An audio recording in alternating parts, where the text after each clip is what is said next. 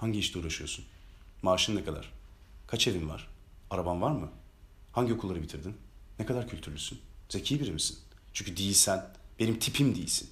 Senden finansal olarak daha iyi durumda olan ya da senden fiziksel, kültürel, zekası olarak daha iyi durumda olan birini ilişkinde arıyorsan sen hipergami sahibisin. Hipergamistsin. Hipergami nedir? Hipergami, gamiyi biliyoruz. Monogami, poligami. Poligami ne? Çok eşlilik. Monogami tek eşlilik. Hipergami de senden hype olan yani senden daha üstün olan biriyle birlikte olma durumuna hipergami deniyor. Senden üstün olması ne oluyor? Finansal olarak senden üstün olabilir. Fiziksel olarak senden üstün olabilir. Kültürel olarak ya da sosyal olarak senden daha üstün olduğunu düşündüğün biri olabilir. Eğer aradığın partner bu özelliklere sahipse ve bunlarla birlikte oluyorsan o zaman sen hipergami yaşıyorsun. Türkçesi ne? Türkçesi zengin koca, zengin eş, zengin kadın, zengin partner bulma da diyebiliriz. Türkiye'de böyle çıkıyor. Ve bu özellikle 20 ile 30 yaş arasındaki insanlarda görülüyor. Bunun sebebi finansal olarak insanların 30 yaşına gelene kadar kendini tam olarak güvende hissetmemeleri. Şimdi 35 yaşından sonra özellikle insanlarda evlenme güdüsünün giderek azaldığını düşünürsek doğal olarak finansal olarak iyi duruma geldiğin için ya da artık malda bu demeye başladığın noktada hipergamiyi bıraktığını söylüyor uzmanlar. Hipergaminin en çok geliştiği yıllar 50 ile 60 arasındaki kadınlarda gelişen yıllar. Bu baby boomer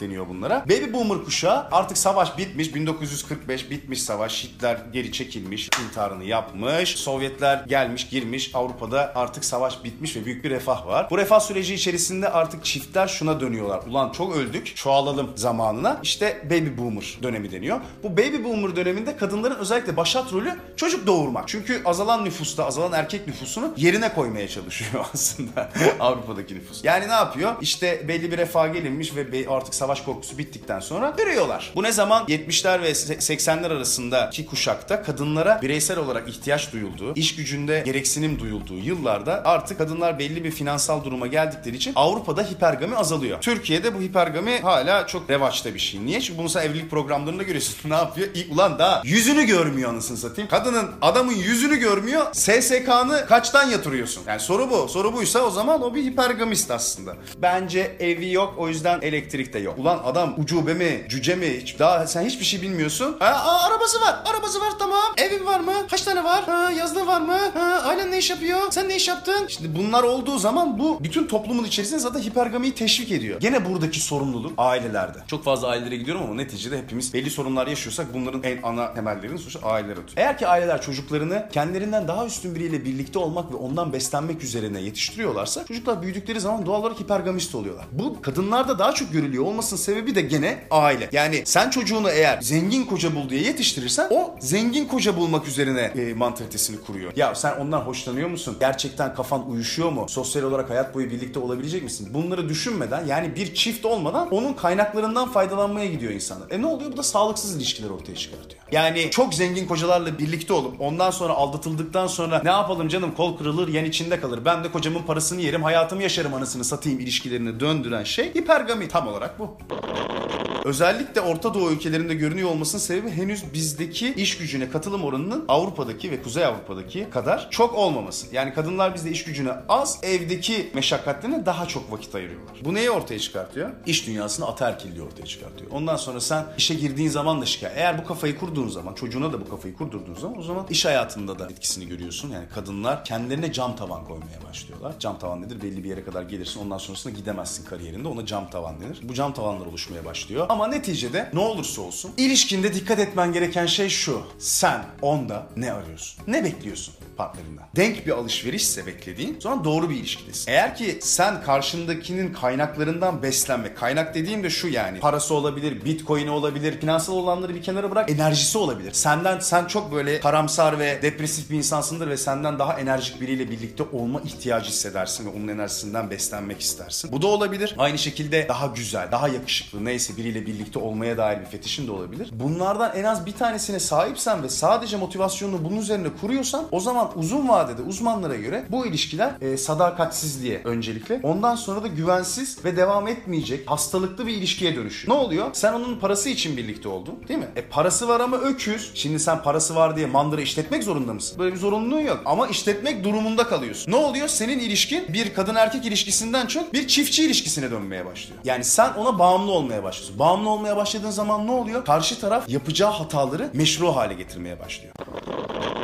Kadının finansal olarak daha üstün olduğu ilişkiler en az yürüyen ve en az rastlanan ilişkiler. Çünkü buradaki hikaye aslında erkeğin atalarından getirdiği o genetik miras. Yani neticede erkek şunu hazmedemiyor. Kadının kendisinden daha üstün olmasını. Halbuki buradaki üstünlük durumunu sadece paraya atfetmek yani para para özelinde bir üstünlük mantalitesi yap. Daha zengin olan daha üstündürü sen kafana kodladığın anda o zaman bu şeye düşmek zorundasın. Bu kanserli ilişkilere düşmek zorundasın. Çünkü para üstünlük değil. Para niye üstünlük olsun? Ulan ne zengin adamlar var. Oturup iki kelime konuşamazsın. Hayatında en büyük derdi koltuğun kenarındaki varak olan insan var ya. O da zengin. Ne paylaşacaksın ki bununla? Varakların köşesi pembe mi olsun mavi mi olsun? Bu mu yani konuşacaksın? Bunu istiyorsan buna da okeyim. Yani senin tercihin tabii ama bir insanı ayakkabısıyla yargılayabilir misin ya? Ne kadar aşağılık bir şey. Yani zaten aşağıda olan bir şey. Ne kadar aşağılık bir şey. Yani ayakkabısı daha iyi demek onu daha iyi biri mi yapar yani? Saçma. İşte insanın bu acayip şeyleri. Bu, bu bazılarında daha baskındır. Bazısı direkt ayakkabısından karar verir. Bazısı en son ayakkabısını görür. Sen insanın iyi ya da kötü olduğunu neye göre tasarlıyorsun? Bunu sana ailen veriyor. Yani ailen eğer zengin insanların iyi olduğunu sana öğretiyorsa sen zengin insanları iyi zannediyorsun. Ondan sonra Türk filmine dönüyor hikaye işte. Toplumsal kodlamalar böyle 1-0 gibi şeyler değil yani. Şimdi ne güzel binary var hepimiz rahatız.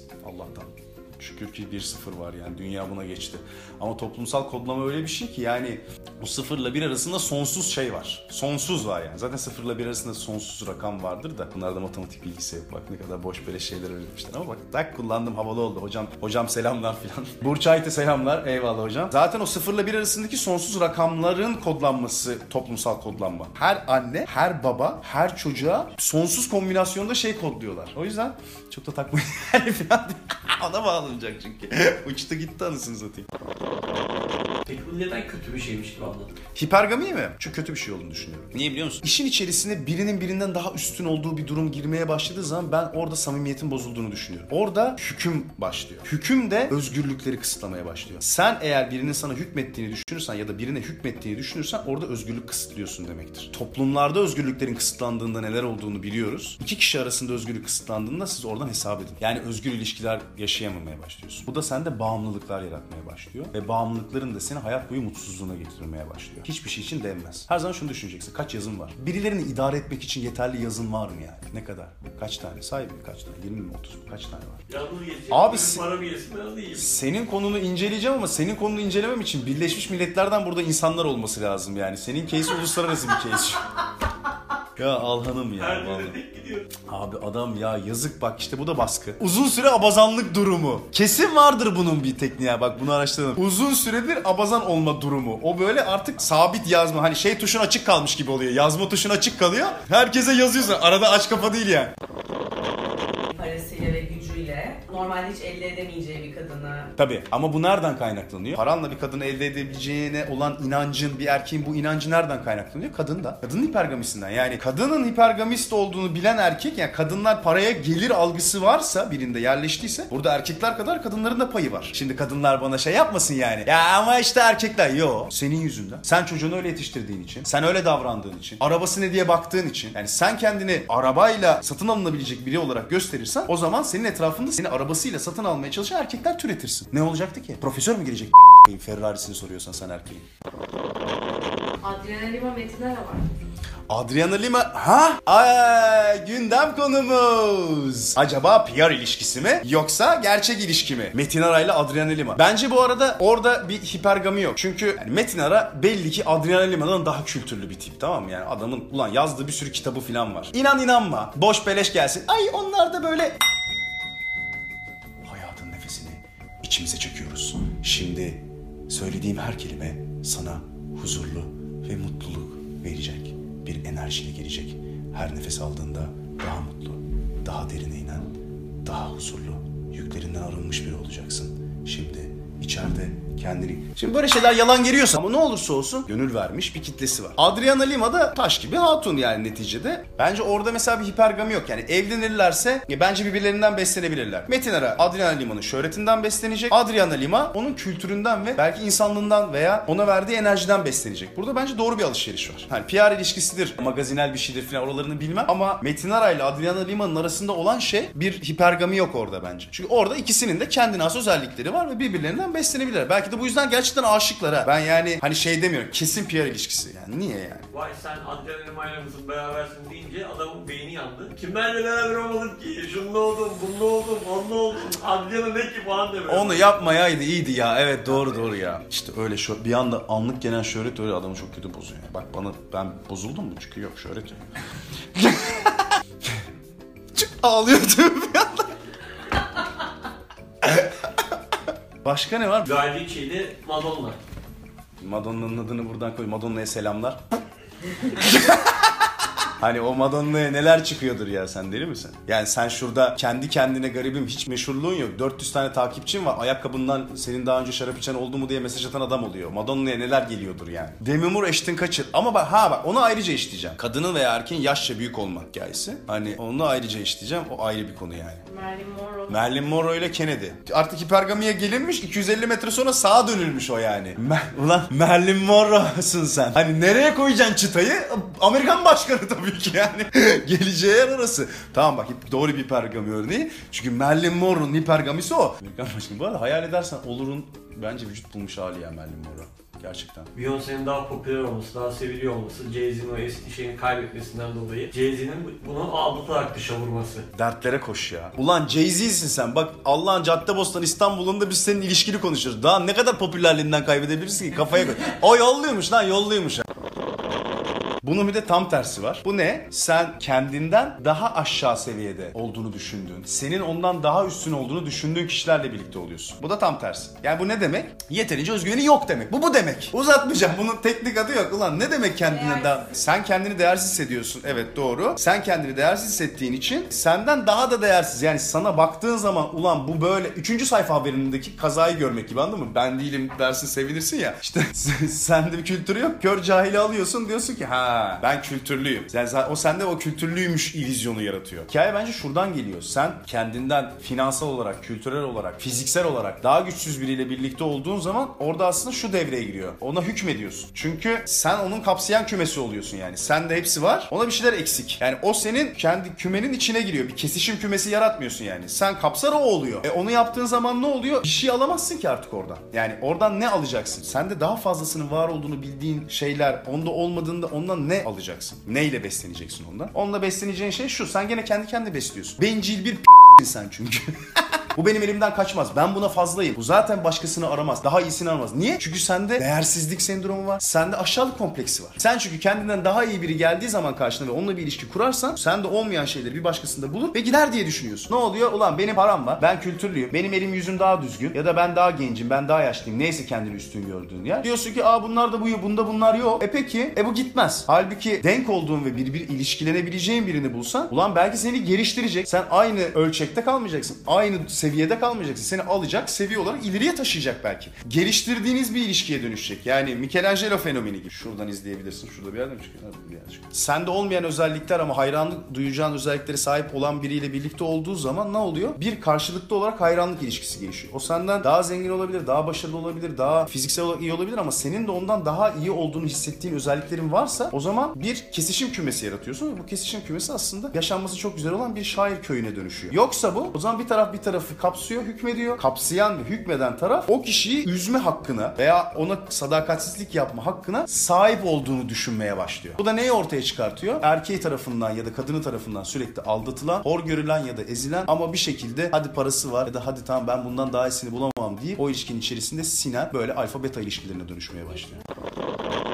Orada bir kere şu yatıyor. Sen kendini çirkin zannediyorsun bir kere. Bir kere zaten sakatlık senden başlıyor hipergamik ilişkilerde. Sen kendini fakir görüyorsun. Sen kendini yetersiz görüyorsun. Sen kendini fiziken iyi görmüyorsun. O zaman ne oluyor? Karşı tarafa öyle bir şey atfediyorsun ki diyorsun ki bu çok güzel bir hatun ya da bu çok yakışıklı bir herif. Ben bunun daha iyisini bulamam. Ben bunu bulduğum için çok şanslıyım. Tamam çok şanslı olabilirsin. Çok şanslıyım diyebilirsin bir ilişkide ama buradaki asıl hikaye senin buradaki şanssız taraf olduğunu düşünmen. Kendinle ilgili çözmen gereken sorunlar var. Kendinin fakir olduğunu düşünmen. Ne demek fakir? Fakir ne demek yani? Fakir de çok göreceli bir kavram bence. Bence. Zengin deveden büyük fil var yani. Zengin daha zengini var. Fakirin daha fakiri var. Yani Afrika'da bir çocukla karşılaştırdığında kim zengin kim fakir orada karmaşalar başlıyor. Burada önemli olan senin kendini nasıl hissediyorsun? Sen kendini yeterince güzel hissediyor musun? Sen kendini yakışıklı hissediyor musun? Zengin hissediyor musun? Zengin yani kültürel olarak da olabilir bu. Yeterlilik olarak da olabilir. Nasıl zevklerin var? Elindekiler senin için okey mi? Ailenden memnun musun? Hayatından memnun musun? Bu eğer memnuniyetin varsa o zaman başka birilerinden bunu beslemene gerek yoktur. O zaman aradığın şey şu oluyor. Kendin gibi hayatından ve karakterinden memnun olan ilişki, insanlarla ilişkilenmeye başlıyorsun. Çünkü ondaki memnuniyetsizlikler de sana batmaya başlar. Sen kendinin farkındaysan. Sen eğer ki kendinden memnuniyetsizsen o karşı taraf elbet geçer yani. Bunu anlar. Bu konuşulmaz. İnsanlar birbirlerini idare ederler ama bu bilinir. O yüzden de bir taraf dominant olmaya başlar. Çünkü hiçbir erkeğin ya da hiçbir kadının şunu yapmaya hakkı yok yani. Kendini karşısındakinden daha üstün görmeye hakkı yok bence. Çünkü yani çok kumdan bir zemin. Göreceli bir şey. Neye göre üstünsün lan? Yani neye göre üstünsün? Ben senden üstün müyüm? Nasıl? Daha mı zekiyim ben? Hayır. Benim başka bildiğim şeyler var. Senin başka bildiğin şeyler var. Yani şöyle hani ben çirkinim bundan güzelini bulamam değil de bence sen çok güzelsin. Bu, bu bölgeyi terk etme. O tamam bak şimdi. O, o başka o. O kadının kuklacılığı o ya da erkeğin kuklacılığı fark et. Kadın yemez de bunu. Erkek yer de yani kadın yemez. Kadın bilir. Güzel midir değil midir bilir lan. Erkek bilmez bunu. Abi çirkin sen çirkinsin. Çirkin sen çirkinsindir ama şöyle bir şey var. Yani tabii ki bir altın oran var da bu altın oranın dünyada geçerli olduğunu gösteren bir kanıt yok. Yani o zaman şöyle bir şey oluyor. Her yakışıklı erkeğin yanında taş gibi bir hatun, her taş gibi hatunun yanında yakışıklı bir erkek olması gerek değil mi? Ama dünya şöyle bir yer değil. Görmedin mi o ilişkilerden işte? Ulan bunun yanında bunun ne işi var dediğin bir sürü ilişki var bu dünya üzerinde. Hem televizyonda gördün hem kendi hayatında gördün. O sen kendini nasıl hissediyorsun? Hani karizma dedikleri hikaye var ya. Yani aslında yakışıklık orada başlıyor. Tam altın oran okey. Yani tamam fotoğraf gibi olabilirsin ama ağzını açtığında bütün için boşalıyorsa ba- sen o balondan köpekten hiçbir farkın yok.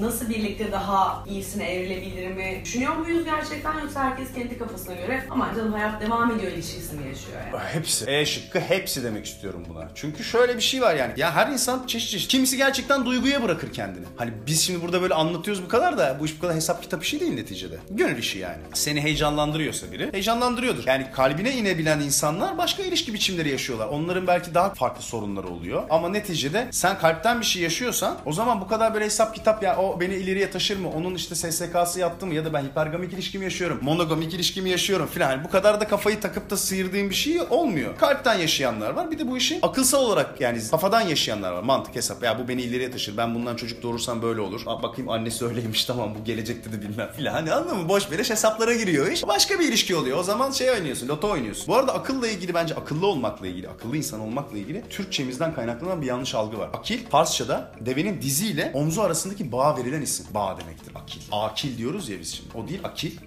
akil bağ demektir. Yani aklıyla kalbi arasındaki bağ kuran insan akıllı insandır. Tasavvuf da bunu söyler. Bu aklın, bu bağın kimisi daha kalp tarafında durur. Kimisi daha beyne yakın tarafında durur. Bu tam orta tarafında duruyorsan baum, baum, baum, o zaman burada doğru bir müzik gelir. Bu tam ortadan çalarsan doğru gelir. Buradan çalarsan ince gelir. Buradan çalarsan kalın gelir. O zaman ışığı kapatıyorum diye bana böyle yapıyor. Akil makil anlatıyorsun da ışık. Evet doğru haklısın. Sen aklınla kalbini doğru bağlıyorsan tabii ki sırf böyle gönülden artık yani kim varsa onunla birlikte olayım ben buna aşığım okey deyip bununla da gidebilirsin ama aslında bu işin en doğrusu en akıllısı hem aklının hem kalbinin mümkün olduğunca uyduğu kişiyle birlikte olmak. Yani akıllı olmak akıllı tercihler yapmana neden olur. Akıllı insanlar akıllı insanları bulurlar. Yani neticede eğer ki sen çocuğun veya arkadaşını başka birinin enerjisinden beslenip hiçbir şey vermeyecek şekilde yetiştirirsen bunları arar, bunları bulur. Ondan sonra da hastalıklı bir ilişkiye doğru yelken açar. Alıcılar, alıcıları, vericiler, vericileri yaratır. Onun için birlikte birbirinize bir şeyler verebildiğiniz, aldığınız zaman da birbirinizden terazinin iki tarafı eşit olarak aldığınız mutlu, paylaşımlı bir ilişkiniz olsun. Bu işler ince işler. Bizi takip edip paylaşmayı da unutma. Sevgiler.